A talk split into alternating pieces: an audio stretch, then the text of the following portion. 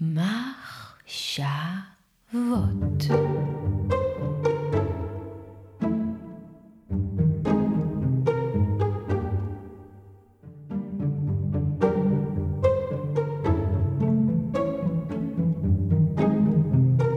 יש נוירוזה קולקטיבית. ישנו תסביך שדווקא אנשים נורמליים לוקים בו. דווקא בן אדם שפוקח את עיניו למציאות האנושית, סופג אותו לתוכו. פצע בין שני כתבים של הנפש שקיבלו מיליון כינויים. יש שקראו להם הגברי והנשי, יש שקראו להם טבע והיגיון, תשוקה והיגיון, ארוס ולוגוס, אפוליני ודיוניסי, לא מעט כינויים הם קיבלו השניים האלה. ועל מה לכל הרוחות אני מדבר? אולי לאט לאט זה יתבהר. אני לא יכול לעשות בזה סדר ואני לא יכול להתחיל את זה בהתחלה כי זה יהיה מאוד משעמם. ניסיתי. נתחיל את זה דווקא מהרובוטים. יש הרבה סרטים עכשיו, סרטי מדע בדיוני, עם אותו רעיון של מלחמה בין בני אדם ורובוטים. וזה תמיד מתחיל ככה, בני אדם יצרו רובוטים, והרובוטים מתישהו התחילו ליצור את עצמם, כי הם כבר היו מאוד מתוחכמים. ואז נמאס להם להיות העבדים של בני אדם. אז הם מתחילים, אה, מנסים בדרך כלל להשתחרר, בדרך כלל הם לא כועסים כל כך בהתחלה, ואז בני אדם נלחמים בהם. בסוף בדרך כלל הם עושים שלום, למרות שיש כמה סרטים שזה לא כל כך מה שקורה. ישנה נוירוזה קולקטיבית, והיא קשורה לקרע שנוצר בין שני חלקים שיש כל נפש. הרובוטים השתחררו לחופשי, היצירות האלה של הבני אדם השתחררו לחופשי, והתחילו לכעוס על האדון,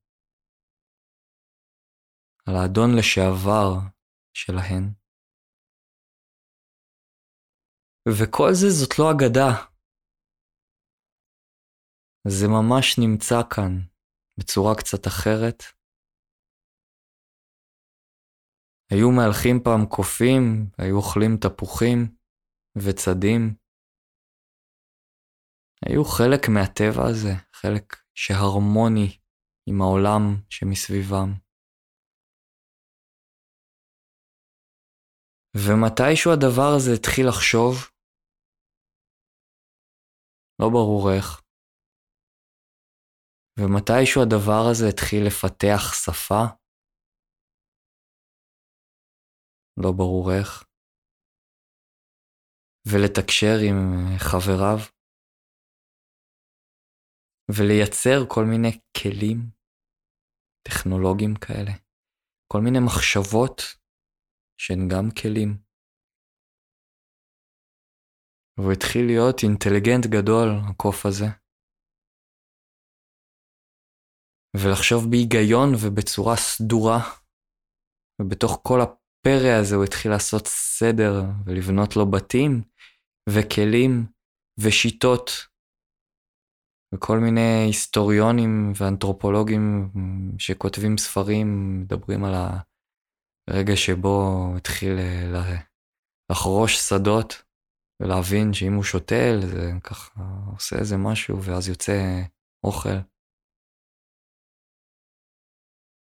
וכל השיטתיות הזאת, כל המחשבה, כל המחשבה הזאת, התפתחה והתפתחה והפכה מורכבת ומורכבת, ובהתחלה מי שפיתח את המחשבה הזאת היה אותו טבע, אותו פרא. אדם רצה להגיע לתפוח שנמצא גבוה גבוה, והוא בנה איזה משהו, איזה חבל, והוא כרך אותו מסביב לגזע של העץ, וטיפס וטיפס עד שהוא הגיע לתפוח. זאת הייתה הטכנולוגיה. זאת הייתה החשיבה. והחשיבה הזאת, בדיוק כמו הרובוטים בכל הסרטים האלה, הפכה מורכבת יותר ויותר, והשתחררה לחופשי והתחילה ליצור את עצמה. כבר לא הייתה כפופה לאיזה דחף, לאיזה דחף או לאיזה משיכה שתארגן אותה ותעצב אותה, היא התחילה לעצב את עצמה. לשלוט. כבר לא צריכה את הטבע הזה. ככה התעורר לו ההיגיון, אפשר לחפור על זה עוד שעה, אבל קצת האיץ. התעורר לו ההיגיון, התעלה האדם מעל לטבעו. קיבל איזה חופש שכזה, שלא להיות כרוך בסביבה שלו, בעונות, בחשקים, בתאוות.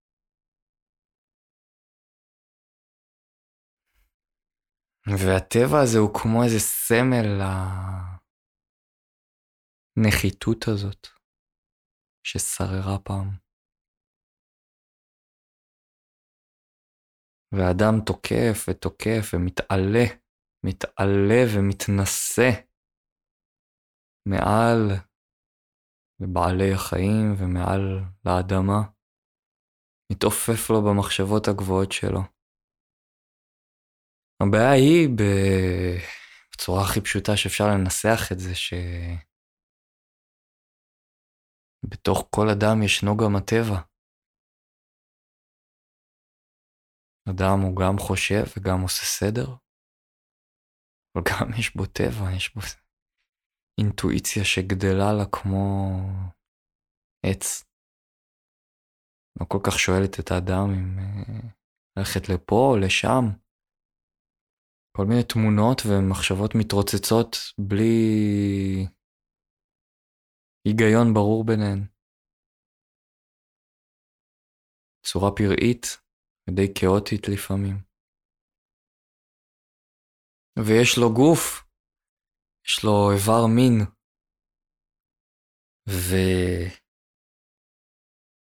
ושערות,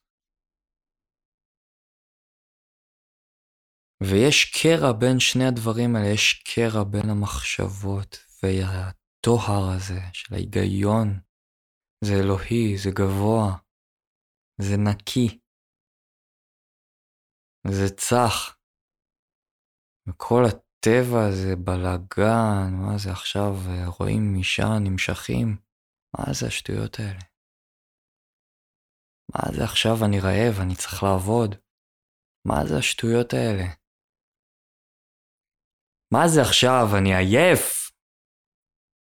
אני קם ונוסע. מה זה הרגש הזה שפתאום מתעורר? זה לא הגיוני.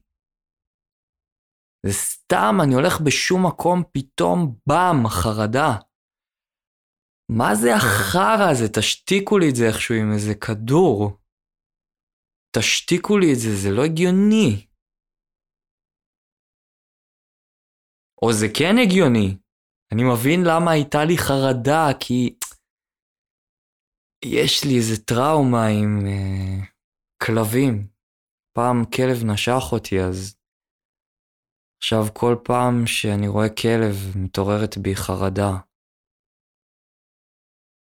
זה גם דרך לשלוט בזה. וכל הסיפור הזה מגולם גם בצורה הרבה יותר קולקטיבית. הטבע, כל העולם הזה, שפשוט נמצא פה, הוא משאב. כל העצים האלה רהיטים באיקאה. דפים, דפי נייר.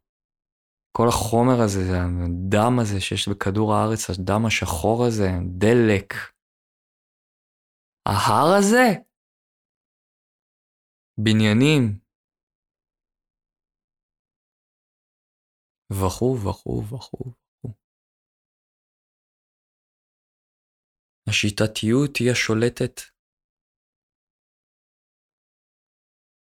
והפראיות הטבעית היא כנועה, עומדת לרשות הרשות השולטת. וזה כבר דבר די עצוב.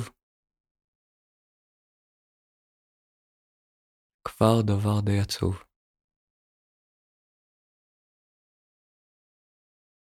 יש קרע בין האדם לטבע. עוד ביטוי לזה זה השיטתיות המדעית. ניסים ונפלאות המדע עושה, באמת, אין מה להגיד. בונה טילים, יודע איך לחשב בדיוק את ה... איך, איך לדחוף ככה בעוצמה כזאת, בזווית כזאת, בצורה כזאת, וזה עף. בלי לסטות מהמסלול. יכול לצאת אפילו מהאטמוספירה ולהגיע עד הסלע הענק הזה שנמצא שם, ולתקוע שם דגל. לפני הרוסים.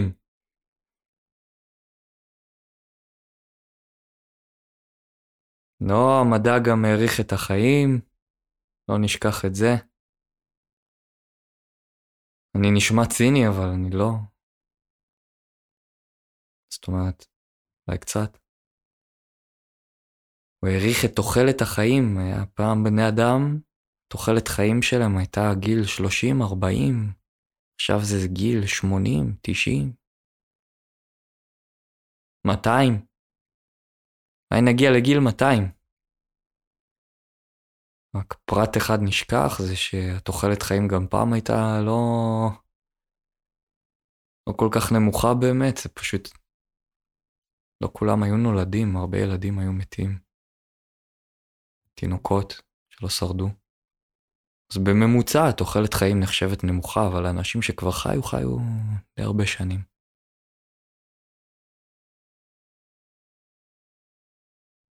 ואז מה, אז, אז מה הבעיה עם זה? מה הבעיה עם המדע? מה אני רוצה? מה אני רוצה מהחיים שלכם? הבעיה היא למשל, שכדי לדעת, לדעת, פירושו להיכנס ולחקור, להביט עם מיקרוסקופ או עם טלסקופ ולתאר מה רואים. להציץ לטבע, הטבע עומד שם ונכנסים, ואם נפרק אותו ככה ונעשה לו ככה ונפתח את זה ונביט פה ונביט שם, אז נבין איך זה עובד. אם נלחץ לו פה הוא יעשה ככה, אולי כבר כאן עדיף לשנות את המין בשפה. כי הטבע לרוב קוראים לו עם הטבע, עם האדמה. טבע זה גם הדבר שאדם נולד מתוכו, זה בכלל כמו איזה רחם גדול. אז בוא נקרא לה במינה, ונדבר בגוף נקבה. אם רק תלחץ לה ככה ותעשה לה ככה, אז יצא ככה וככה. ככה אפשר לדעת אותה. עם טלסקופ ועם מיקרוסקופ נציץ לה. ככה נדע מה זה. ככה נדע את המהות של הדבר הזה. אור, צבעים, זה גלים, גלי אור זה ב-500 תדירות וזה ב-400 תדירות. זה מה שזה צבעים. הוא יוצא משם ופוגע פה ונכנס לאישון ולכן מופיע צבע. נפש זה האזור הזה במוח, איפה השפה, איפה יש אזור שמודע, אזור שלא מודע, זה נפש. זה לא בדיוק עובד ככה.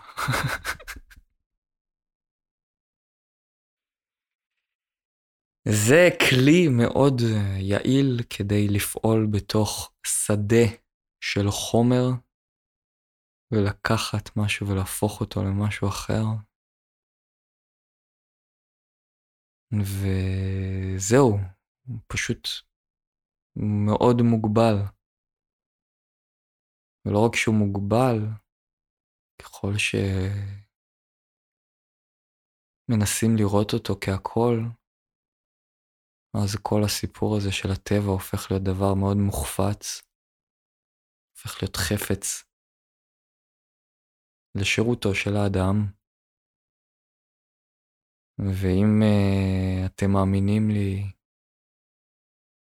כל הקשר הזה בין הטבע והנשיות, זה יכול להסביר גם משהו מההחפצה של האישה. אם בתרבות שלנו המצב של האישה דומה למצב של הטבע,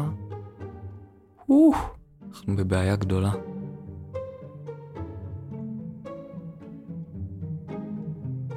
מתישהו ייתקע בחזרה.